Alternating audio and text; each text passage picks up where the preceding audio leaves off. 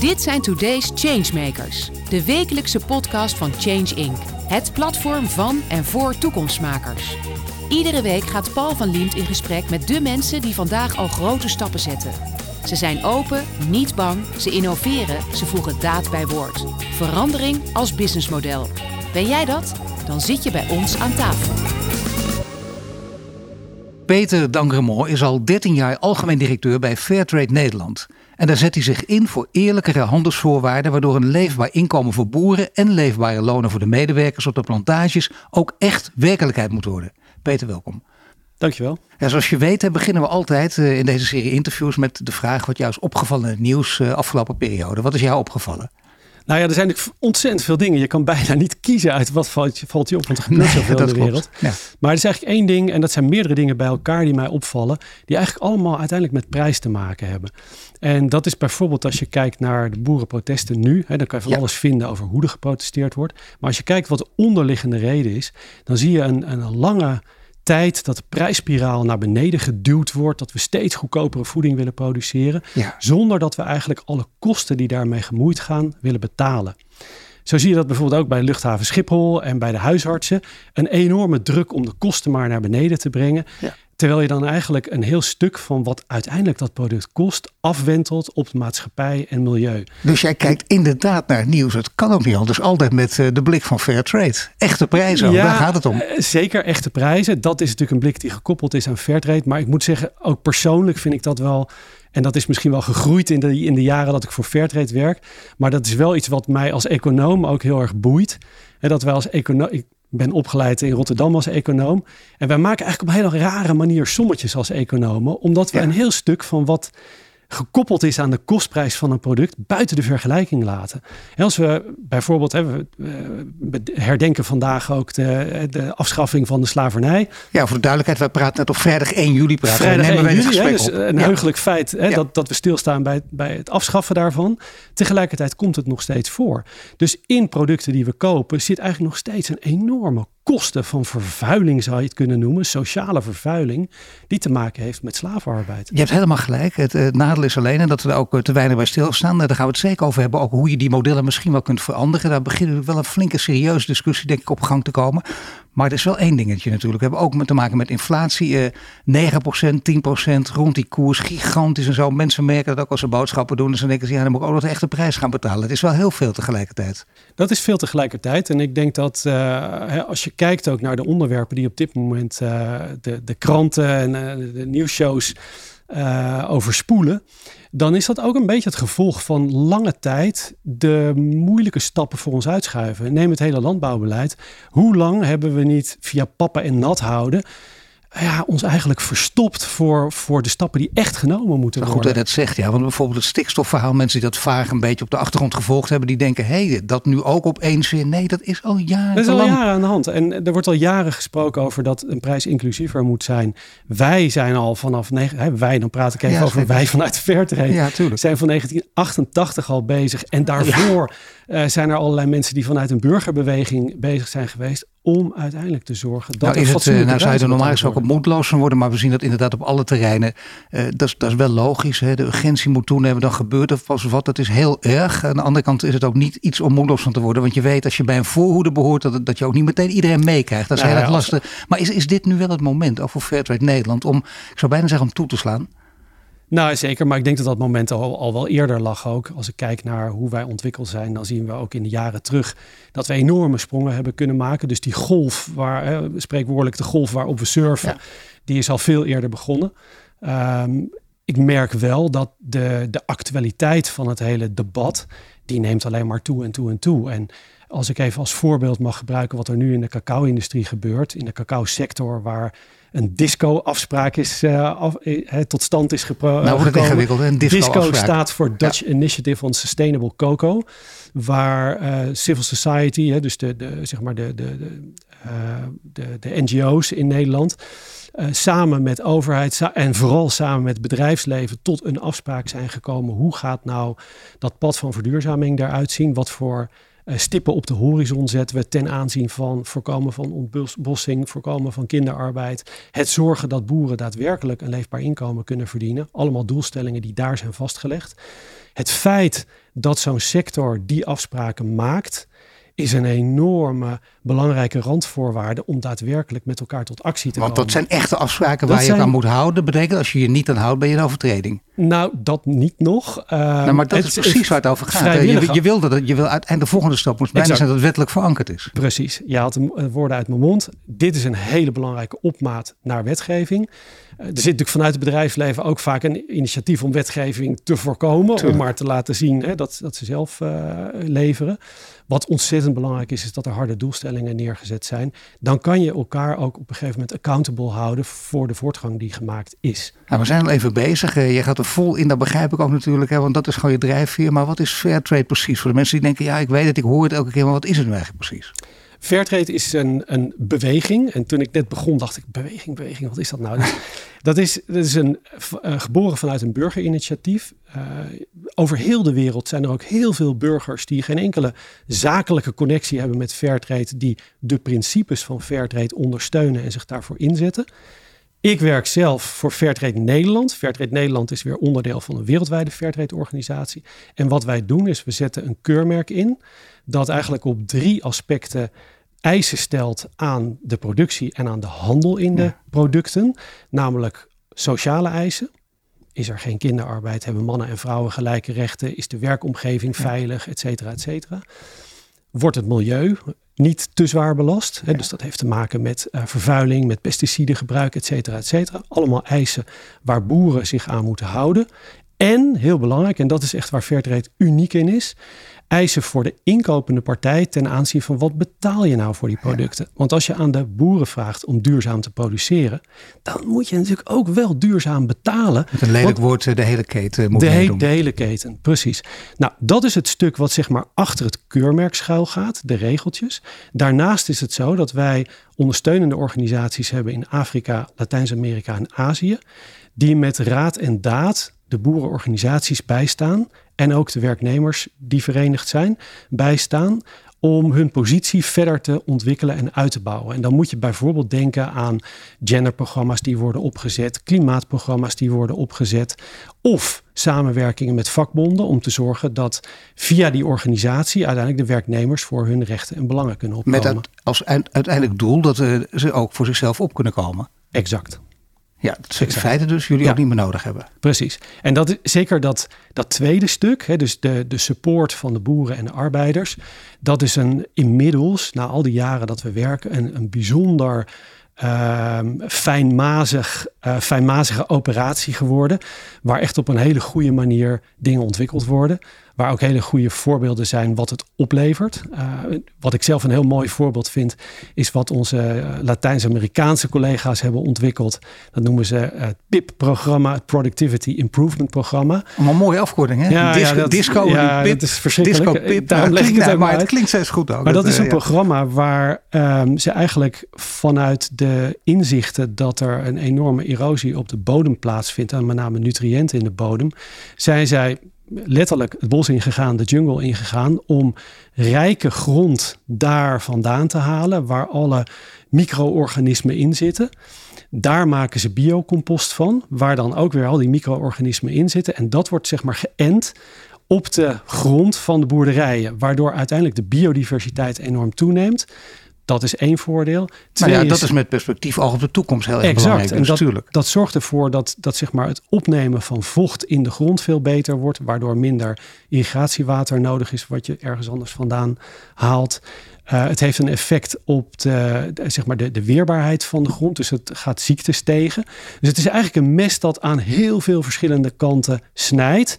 Het haalt ook nog, zorgt het ervoor dat de, de kosten van de inputs voor boeren naar beneden gaan. Want ze hoeven geen dure agrochemicaliën meer te kopen. Dus het is, met, met, het is eigenlijk een simpel programma.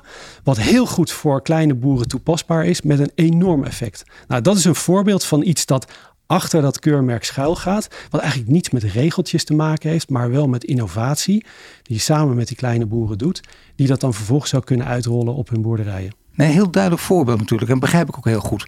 Uh, ik zou bijna zeggen tot zover het goede nieuws. Nee, er komt nog veel meer goed nieuws. Maar je ziet, ik heb een blaadje in mijn hand. En een blaadje in hand betekent altijd dat er ergens uit geciteerd gaat worden. Dat ga ik nu ook even doen. Want kritiek die jou niet onbekend zou voorkomen, dat is. En ik ben wel top benieuwd hoe dat precies in elkaar zit.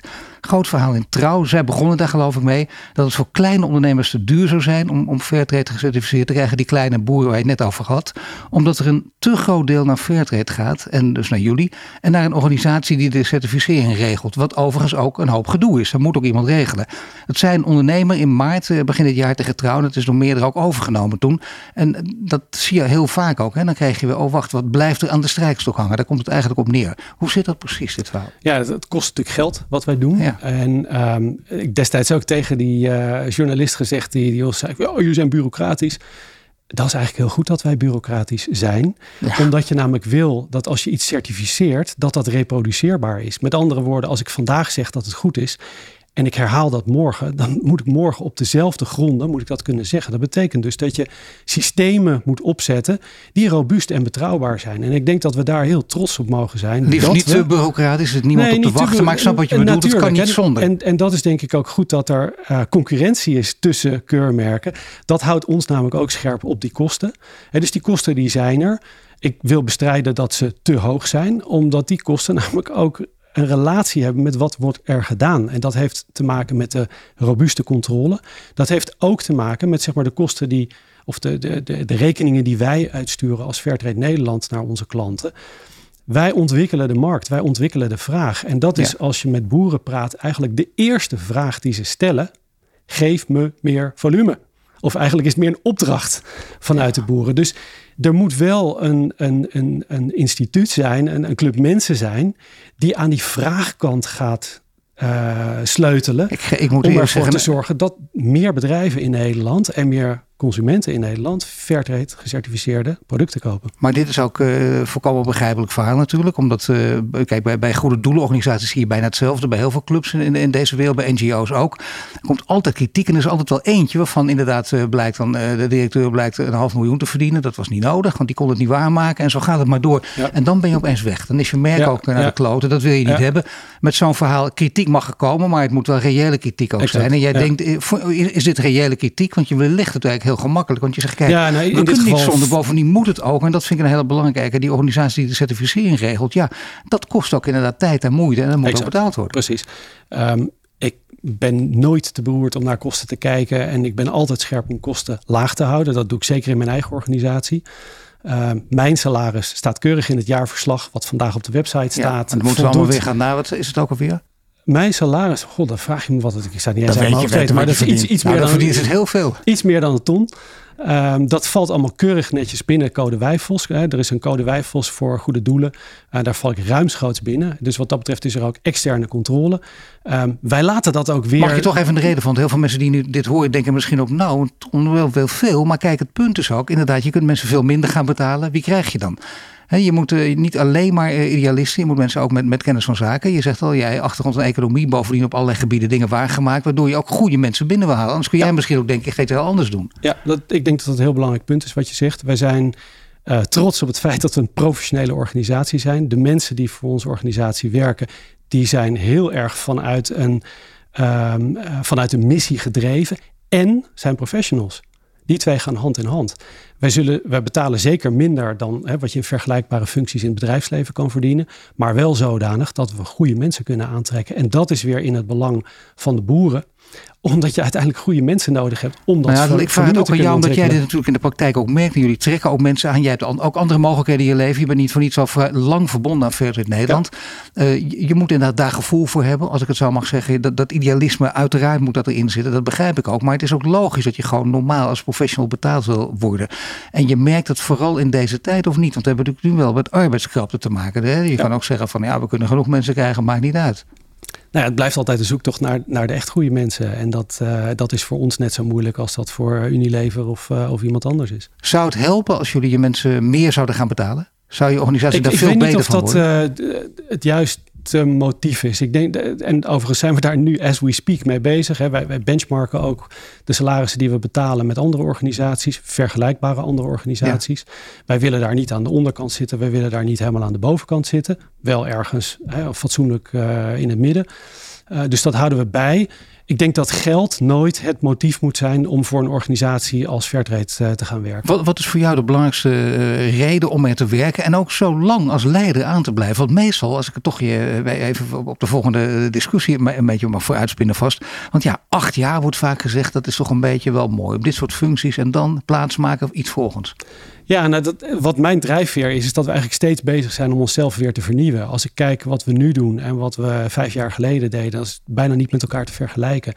Dat is ook het mooie aan uh, zeg maar de, de, de activiteit die we hebben en ook de markt waarin we opereren. Wat zijn de echt grote stappen dan die gezet zijn, waardoor het een misschien wel totaal ander bedrijf aan het worden is? Nou, ik denk dat een hele grote stap is geweest om van, van traditionele NGO die op de barricade stond naar commerciële partner. Um, en dan zijn wij zeg maar de, de partner die de commerciële partijen een mogelijkheid biedt om op veel duurzame manier te handelen. Um, maar we kunnen wel de taal inmiddels spreken van Albert Heijn, van Jumbo, van Ben Jerry's, Unilever, et cetera. Dat is denk ik een hele grote stap geweest. Niet een gescheiden wereld die alleen maar als uh, twee grote vijanden tegenover elkaar Precies. zijn. Wat heel lang zo geweest ja. en dat leidt tot niets. Echt in partnerschap, elkaar begrijpen. En op die manier ja, zoeken zeg maar, naar waar zit de ruimte om uh, met elkaar samen te werken. Ik denk dat dat een hele grote stap is geweest. De stap die we nu zetten is eigenlijk in die, wat ik net aangaf met dat disco voorbeeld. Is naar uh, sectorconvenanten. Wij zien dat um, vrijblijvendheid, die nog steeds in de markt uh, grote schaal aanwezig is. Vrijblijvendheid voor bedrijven om in te stappen. Uh, vrijblijvendheid ook helaas om weer uit te stappen als ja. het ze uitkomt. Die moet eruit. En dat is waar wij zien dat dit soort sectorafspraken een hele belangrijke bijdrage kunnen Maar dus dan is wetgeving, dat, dat, daar ja, gaat het uiteindelijk wel om. Dat weten deze bedrijven ook. Hè? Je kan het zelf laten zien, maar als je het ja. niet, uh, niet laat zien, dan zal het helaas die kant op moeten gaan. Exact. Altijd vreselijk dwang, maar dit is dan geen dwang. Dus wettelijk verankerd en dan weet je waar je aan moet houden ook. Precies. En dat, dat is zeg maar wat op dit moment, hè, dat is, we hadden het net even over die ontwikkelingen. Ja. Dat is een ontwikkeling waar we heel erg op inzetten als organisatie. Waar we dan ook weer onze staf op aanpassen. We hebben een paar jaar geleden echt geïnvesteerd in, Goede juristen, in uh, policy en advocacy mensen. Ja, en daar zitten ook juridische aspecten bij. Um, Stap 1 is dan die sectorafspraken. Stap 2 is wetgeving. En zeker ook lobby op wetgeving. Uh, ja, daar dragen wij ook Dan heb jij een paar stappen bij. meegemaakt. Dan ja. werk je bij hetzelfde bedrijf, maar in zekere zin werk je al uh, ja, ook bij een ander bedrijf. Want het bedrijf verandert zich echt. Dit zijn het twee cruciale continu. Uh, om, om, omzwaaien die je bij Ook als je kijkt zeg maar, wat er nu aan de hand is met um, alles rondom ESG, wet en regelgeving. Hè, bedrijven moeten laten zien in hun jaarverslag wat ze doen op milieu, sociaal en governance gebied. Ja, hoe doe je dat? Dus wij zitten op enorm veel informatie uit die supply chain, de, vanaf de bron van de boeren. Hoe kan je dat inzetten om te zorgen dat bedrijven hun ESG requirements, hun ESG-vereisten kunnen Ja, maar dat is interessant. Dan had je net over modellen, begin van het gesprek. En jij als econoom weet dat als geen ander natuurlijk. Hè, dat, uh, die, die modellen zouden wel eens anders mogen. Je zou BBP bijvoorbeeld dus op een andere manier moeten gaan berekenen. Geldt het niet voor die ESG-doelen ook? Want daar zit ook, komt heel veel bij elkaar. Dan kun je door de bomen het bos ook niet meer zien. Dat, dat helpt dan toch ook niet echt? Nou ja, dat, ik denk dat dat nu een hele grote zoektocht is. En, en als wij praten met, met verschillende partijen, of het nou bedrijven zijn of, of dienstverleners voor die bedrijven, dan merk je dat op dit moment er een soort, uh, nou misschien bijna wel kramp is van, oh mijn god, hoe moet ik dit gaan aanpakken? Zowel bij uh, zeg maar de bedrijven die de data moeten invullen, als bij de organisaties die de data moeten controleren. Want dat is natuurlijk ook nog eens als je een jaarverslag uh, publiceert, ja, dan moet je ook controleren of het allemaal wel klopt. Ja, er kan een kramp ontstaan, er kan natuurlijk ook een soort handigheid ontstaan bij mensen die denken, oh, daar kunnen nou, we heel makkelijk mee omgaan. We kunnen inderdaad cijfers kun je op allerlei manieren ja. gaan interpreteren. Zo ja. is het eigenlijk niet beter om naar een nieuw model te gaan zoeken, dat er zo snel mogelijk ook moet komen. Met zo min mogelijk indicatoren, dat is pas overzichtelijk. Ja, dat, dat zou op zich goed dat zijn. Een vernieuwd BBP. Tegelijkertijd zou ik niet willen wachten met de stappen zetten totdat er weer een nieuw, want het nieuwe modellen, dan zijn er ook weer mensen die zeggen, ja, maar dat model klopt eigenlijk niet. Hè? Ik heb zoveel discussies nee, gehad over heb je weer tijd, uh... bijvoorbeeld het berekenen van, uh, van de true price, van de werkelijke prijs. En dan, dan zijn er mensen die echt heerlijk, uh, ja, zeg maar, het, debat zich toe kunnen eigenen om oeverloos te debatteren over of dat nou de juiste Ondertussen technische... gebeurt er niks, het is gewoon vooruitschrijven. Exact, dus je moet op een gegeven moment ook stappen gaan zetten. Maar je hebt er wel lang over nagedacht. Want het zijn dan twee lijnen die naast elkaar lopen. De praktijk, pragmatisch zijn natuurlijk. Hè, maar je hebt ook eens over duurzaam leiderschap gezegd. Het is belangrijk om koersvast te zijn. Dus dat betekent dus ook uh, gewoon uh, af en toe tegen de stroom in dingen te doen. Dat geldt in dit verhaal denk ik ook. Want aan de ene kant ben je dus natuurlijk pragmatisch. En je moet ondertussen stappen zetten. Aan de andere kant ben je ook over zo'n model aan het nadenken. Zeker. Dat is toch interessant. Is, het, is het mooi? Is, is het alleen maar een, een academische discussie? Of denk je dus heel goed dat die ook gevoerd wordt, maar dan wel aan de zijlijn? Ik denk juist ook dat die uh, in de praktijk gevoerd moet worden. Op het moment dat het alleen maar een academische discussie blijft, dan blijft het heel erg te ver van je bedshow. Maar is er al iets? Wat bedoel, kun je zeggen, wat, wat komt er aan dan op dit gebied? Nou, ik denk met name dat nu daar heel erg nagedacht wordt over hoe kan je nou die externaliteiten, waar je over praat als je over true price praat, hoe kan je die inprijzen? En Ehm, wat ik veel lees is dat er dan toch heel veel naar de overheid wordt gekeken om via wet en regelgeving ja, gewoon af te dwingen dat bepaalde elementen ingeprijsd worden. En ik denk dat we allemaal wel hè, de, de, de, de carbon rights kennen. Uh, dat is een, een uh, eentje die eigenlijk al vrij ver ontwikkeld is. Maar zo kan je natuurlijk op heel veel fronten zou je uh, externaliteiten kunnen inprijzen. Waarbij ik dan ook altijd wel een kanttekening maak. Want het is natuurlijk heel prachtig om initiatieven rondom True Price te zien. Maar het feit dat je een True Price afrekent, wil nog niet zeggen dat ook daadwerkelijk met dat extra geld de vervuiling wordt aangepakt. En dat is wel heel belangrijk dat daarop gestuurd wordt. dat als je zeg maar watervervuiling inprijst, dan moet met dat extra geld los je die watervervuiling niet op, tenzij je filtrage inbouwt of wat dan ook. En je dus dat geld gebruikt om die investeringen mee te dekken. Ja, nee, je moet uh, uitkijken. Want inderdaad, uh, daar gaat het geld naar iemand die dat opstrijkt. En daar bijvoorbeeld uh, hele anti-duurzame dingen mee gaat doen. Ja, Dat, dat hoort er ook nog bij. Precies. En er komt nog een andere kanttekening, wil ik graag even maken. Want kijk, jij maakt hem al. Maar ik wil, ja. ik wil even, snap je, mag ik het mhm. ook? Namelijk, sommige mensen denken wel, wacht even, als we dadelijk allemaal een true price gaan betalen, dan, dan krijgen we een hele gekke maatschappij. Voor heel veel mensen is dat gewoon niet te betalen. Kijk eens naar vlees bijvoorbeeld, wordt volstrekt onbetaalbaar. Dat is maar hoe je het bekijkt. Eh, we hebben op dit moment een, een bizar systeem waar, heel veel, waar wij met z'n allen heel veel belastinggeld ophoesten, wat via Europa rondgepompt wordt om boeren te subsidiëren, die bizar goedkope producten aan ons verkopen.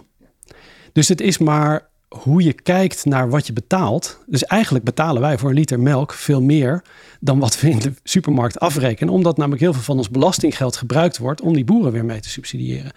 Dus mijn stelling is dat uh, en, ik denk er ook over na. Van, ja, welk, welk economisch systeem is nou goed? En misschien eerst gedacht is, ja, dat kapitalisme dat is alleen maar om winst te maximaliseren. En dat is verderfelijk en dat en dat. Toch heeft dat kapitalisme ook ontzettend veel gebracht. Moet je alleen niet naar een andere manier om dat kapitalisme in te regelen. Hè? Het lijkt erop alsof er een aantal dipswitches in die kapitalistische computer gewoon niet aanstaan. Als je die dipswitches aanzet en je gaat die externaliteiten meenemen, dan zou in theorie dat kapitalistische model ervoor moeten zorgen dat de investeringen daar naartoe gaan. Het kapitalisme 2.0. Het, het, is kapitalisme 2.0, maar op een veel verstandigere manier ingeregeld. Ja, dat betekent wel uh, dat als je dat gaat doen, uh, verstandige manier inregelen, externaliteiten, dat zijn allemaal algemene termen. Je hebt er vast over nagedacht uh, hoe, dat, hoe zo'n systeem met kapitalisme 2.0 nou ja, ongeveer eruit gaat Je zal dan via wet en regelgeving allerlei dingen moeten inbouwen die gewoon meegenomen moeten worden. En dat is een lastig proces. Maar het is wel denk ik een onvermijdelijk proces. Maar het interessante is, wet en regelgeving dus niet alleen maar afdwingen. Het betekent ook dat deze wet en regelgeving leidt tot een nieuw systeem. Dit is wel een hele grote verandering, over change gesproken. Ja, en ik denk dat de, over, de overheid, onze overheid en overheden daar echt een, uh, een leidende rol in moeten gaan spelen. Het lijkt er wel rijp voor. Ik bedoel, links en rechts begint op dit gebied gewoon een beetje te schuiven. Nou, dat je vroeger wist, oh, dat is dat, dan krijg je nooit draagvlak, want zij vinden dat nooit.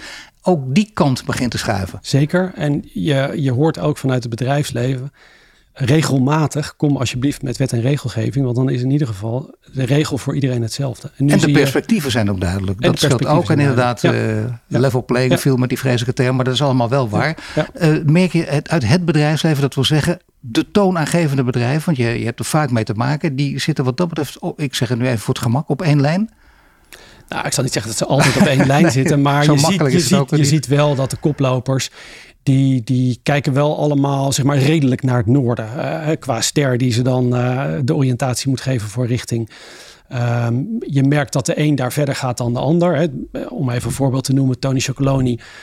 Super sterk, super duidelijk in wat aangepakt moet worden, hoe het aangepakt moet worden.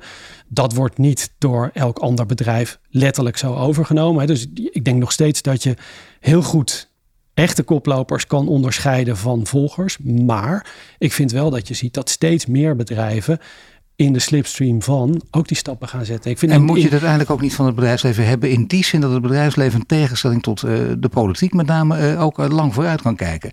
En inderdaad, die lange termijn, dat zie, wordt, wordt heel vaak in de discussie ingebracht. Is dat een serieus goed argument of niet? Ja, lange bedoel, je, kunt tien, je kunt tien jaar vooruit kijken, dat doe je ook. En je plant ook. En dat in de politiek weet je, na vier jaar ben ik weer weg. Ja, ja ooit eens een keer een, lezing van David Nabarro bijgewoond. die was toen VN-rapporteur op uh, food security. En die, die, uh, die refereerde hier aan. Die zei, de, de, de gemiddelde levensduur van een politicus is vier jaar in zijn functie.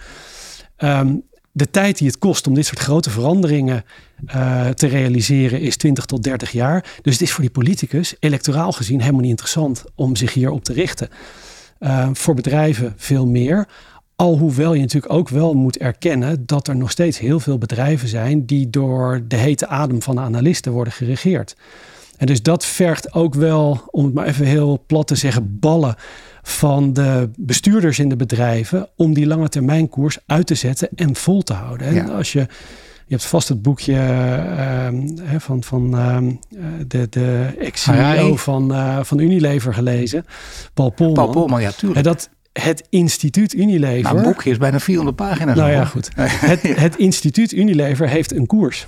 En dat zie je denk ik bij heel veel bedrijven. Dat er is een soort institutionele koers die, uh, die best moeilijk te verleggen is. Het, het, het, ik heb zelf bij een bedrijf als Sarah Lee gewerkt. De, de, de bonusstructuren, de, de optieconstructies, et cetera, et cetera. Die, ja, die leveren natuurlijk toch voor de mensen die in de hoge functies zitten... verdraaid veel geld op. Ja, en daar hebben ze ook hele mooie verklaringen altijd voor waarom dat komt. Hè, waarom het ook niet anders kan. Voor het hele loongebouw heeft iedereen mee te maken. Ook als je onderaan werkt en zo. Maar daar wordt langzaam steeds meer doorheen geprikt. Je ziet bij Polman trouwens wel natuurlijk.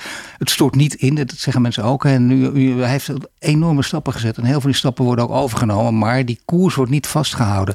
En bovendien zijn er buiten Polman. Je hebt graag van die ambassadeurs. Uh, Fijke Siebers. Maar, maar we moeten niet altijd deze twee noemen. Er moeten er nog meer zijn. Ja, en dat is, dat is uh, goed dat je dat zegt. Dat is ook echt iets in onze aanpak met en naar bedrijven, is dat wij het heel belangrijk vinden om, en ik neem even Plus Supermarkt als voorbeeld, wat een grote partner is voor Fairtrade, eigenlijk bijna altijd koploper in retail, als het gaat om als eerste bijvoorbeeld een stap te maken helemaal naar alleen maar Fairtrade bananen aanbieden, alle cacao die ze hebben. Dus ook de cacao in yoghurt, uh, yoghurtjes met een paar cacao chipjes. Alles hebben ze overgezet naar Fairtrade cacao.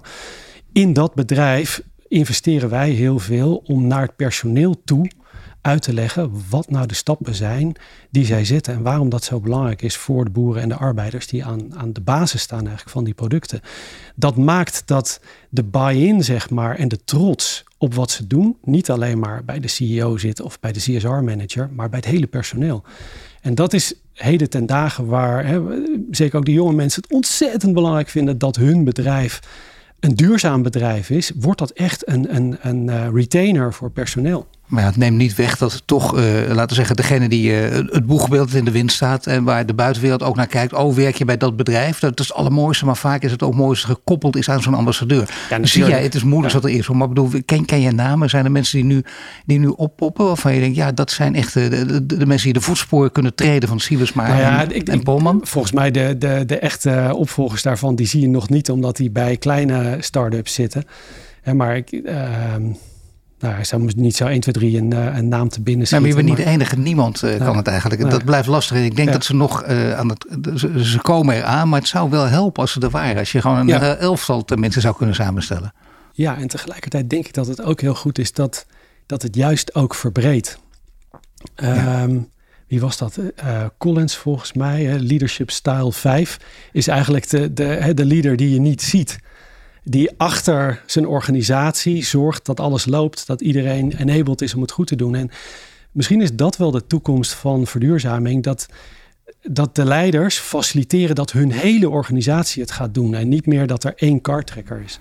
Ja, dat, zou kunnen natuurlijk. Dan heb je inderdaad, eh, dat helpt dan dat er, dat er wat minder ego zal optreden. Dat helpt enorm zelfs. Maar toch, uh, boegbeeld blijft altijd, dat zien we toch door de geschiedenis is altijd goed. En dat, dat, dat het echt heel belangrijk is. En dat iemand uiteindelijk toch ook, er is altijd iemand die ergens mee begint. Op de achtergrond, maar dat moet ook op de voorgrond. Want je, er wordt ook van je verwacht, zeker deze tijd, dat je naar buiten treedt. Zeker. Je hebt nu eenmaal al die congressie, je hebt met, uh, met, met alle soorten media te maken. Dus het kan gewoon niet anders. Absoluut. dat, dat, dat zijn misschien geen CEO's, maar dat zouden ook andere kunnen zijn, denk je, bedrijven. Dat, dat, als wij hier toch hard op denken. Dat is eigenlijk gek dat altijd de CEO dat moet doen.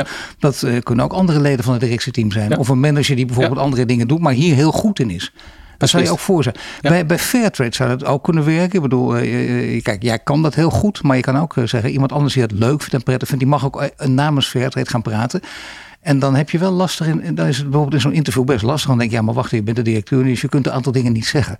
Is dat bij jullie, bij jullie kleine, relatief kleine bedrijven, dan ook nog te regelen dat meerdere mensen ook naar buiten zouden kunnen treden? Ja hoor, zeker. We hebben eh, in ons team hebben we twee mensen die eigenlijk de mediacontacten doen. Er zijn ook anderen die dat kunnen. Dus als die op vakantie zijn, dan is het niet zo dat er geen journalist kan bellen. En maar bedoel, die mogen dus ook, die kunnen gewoon naar, naar buiten treden. Die kunnen ook alles zeggen. Ja hoor, dat is ook gebeurd in het verleden. Ja. Je bent zelf 13 jaar leider. En dat is, daar kun je heel veel dingen over denken. Want ik heb mensen die ook nog langer aan zitten. En dat kan ook. Zeker als een bedrijf steeds aan het veranderen is. Dat bij jullie ook gebeurt. Je kunt ook denken, nou wacht even. Ik heb, ik heb een mededeling voor de mensen die bij mij werken. Die ook luisteren. Ik, uh, ik ben me aan het voorbereiden op een, uh, op een nieuwe baan. Nee, op dit moment niet. nee, eigenlijk omdat, uh, misschien moet ik zeggen ja en nee, omdat mijn baan steeds verandert. Ja. En dat vind ik ook het mooie in, en dat, dat is misschien ook, zegt dat wel iets over mij. Ik ben continu uh, aan het proberen mijn omgeving en ook mezelf opnieuw uit te vinden. En die ruimte om te groeien, die is er binnen deze organisatie. En ook binnen wat wij doen, omdat wat wij doen continu ontwikkelt en, en verandert. Dus um, ik denk dat de omgeving, de organisatie en ik als persoontje, ja, zijn eigenlijk continu bezig met, met oké, en what's next? maar met als doel, echt als uiteindelijk het doel, jezelf opheffen, dan heb je het goed gedaan. Ja, precies. Ja, kijk, als wij niet nodig zijn, um, dan hoeven we ook niet extra kosten aan de keten toe te voegen. Want op dit moment um, voegen wij natuurlijk wel gewoon kosten aan de keten toe. Ja, maar toch, dit is te mooi om waar te zijn. Ik bedoel, jezelf opheffen, het lijkt mij, als ik een uh, kleine schatting maak de komende 30 jaar, is dat onmogelijk. Want dan zou de wereld zich wel echt geweldig moeten ontwikkelen. Dat is de disclaimer die ik er zelf altijd bij zet. Dus het is, het is denk ik duidelijker om iets dichter bij huis te blijven en te zeggen wat wij willen doen is zorgen dat er uiteindelijk via de handel uitgangspunten worden gecreëerd waardoor boeren en arbeiders een fatsoenlijk inkomen kunnen verdienen uit hun werk. Dat als dat gerealiseerd is, dan zijn we een heel stuk dichter bij uh, de mogelijkheid om op te heffen. Waar we dan nog steeds ook moeten kijken naar, zijn dan al die criteria waar wij voor staan, geen kinderarbeid, man en vrouw, zijn die dan allemaal ook gerealiseerd? Om het te realiseren heb je inderdaad toch uh, het draagvlak nodig, je hebt momentum nodig. En je zegt dan, dat is niet alleen nu, dat is al een tijdje gaande. Maar uh, denk je dat dit op dit moment, waar alles samenkomt, waar mensen ook veel meer in de gaten hebben wat er speelt en dat er veranderingen ook mogelijk zijn, dat is denk ik ook een belangrijke, ondanks al die onzekerheid die er is. Maar dit zijn misschien wel hele positieve kanten. Denk je dat, dat dit inderdaad het moment is? Of is het nu, komt er nu te veel dreiging op ons af? Moeten we een paar stappen terugzetten? Nee, nee, nee, we moeten zeker geen stappen terugzetten. We moeten vooral doorgaan. En het moment, momentum is er. Of het het moment is, ja, dat, dat, kan je alleen maar achteraf zeggen. Maar het momentum is er zeker. En ik denk ook dat de urgentie er is. En dat is, uh, ook als je wat langer uh, werkt. Dat hoeft niet per se op één plek te zijn, maar ik heb ook op heel andere plekken gewerkt urgentie is heel belangrijk om mensen aan een verandering te krijgen. En die urgentie die is er meer dan ooit. De, eh, de excessen in klimaat, die ziet iedereen. Op het moment dat de water eh, door de straten in Limburg klotst. En niet zo'n beetje klotst, maar echt overal overheen klotst. Dan denkt iedereen, wow, dit komt er heel dichtbij. Als dat ergens in Latijns-Amerika gebeurt bij een bananenboer die zijn hele boerderij weg ziet spoelen. Dat land hier niet. Dus dus het feit dat dit nu hier gebeurt, dat wij dat meemaken, dat creëert wel urgentie om te gaan handelen. Oké, Peter, dank je voor dit gesprek. Je luistert naar een podcast van Change Inc. Die werd mede mogelijk gemaakt door Achmea, de Albron, Ebbingen, Renewy en Vattenfall. Bedankt voor het luisteren naar de Today's Changemakers podcast. Een productie van Change Inc. gepresenteerd door Paul van Liemt. Ben of ken jij een changemaker? Meld je dan snel aan via onze Change Inc. website. Wil je dat meer mensen geïnspireerd worden? Deel de podcast dan op sociale media. Wil je meer afleveringen luisteren? Volg ons dan nu via je Spotify, Apple Podcast of je favoriete podcast-app. En krijg een melding wanneer er een nieuwe aflevering online staat.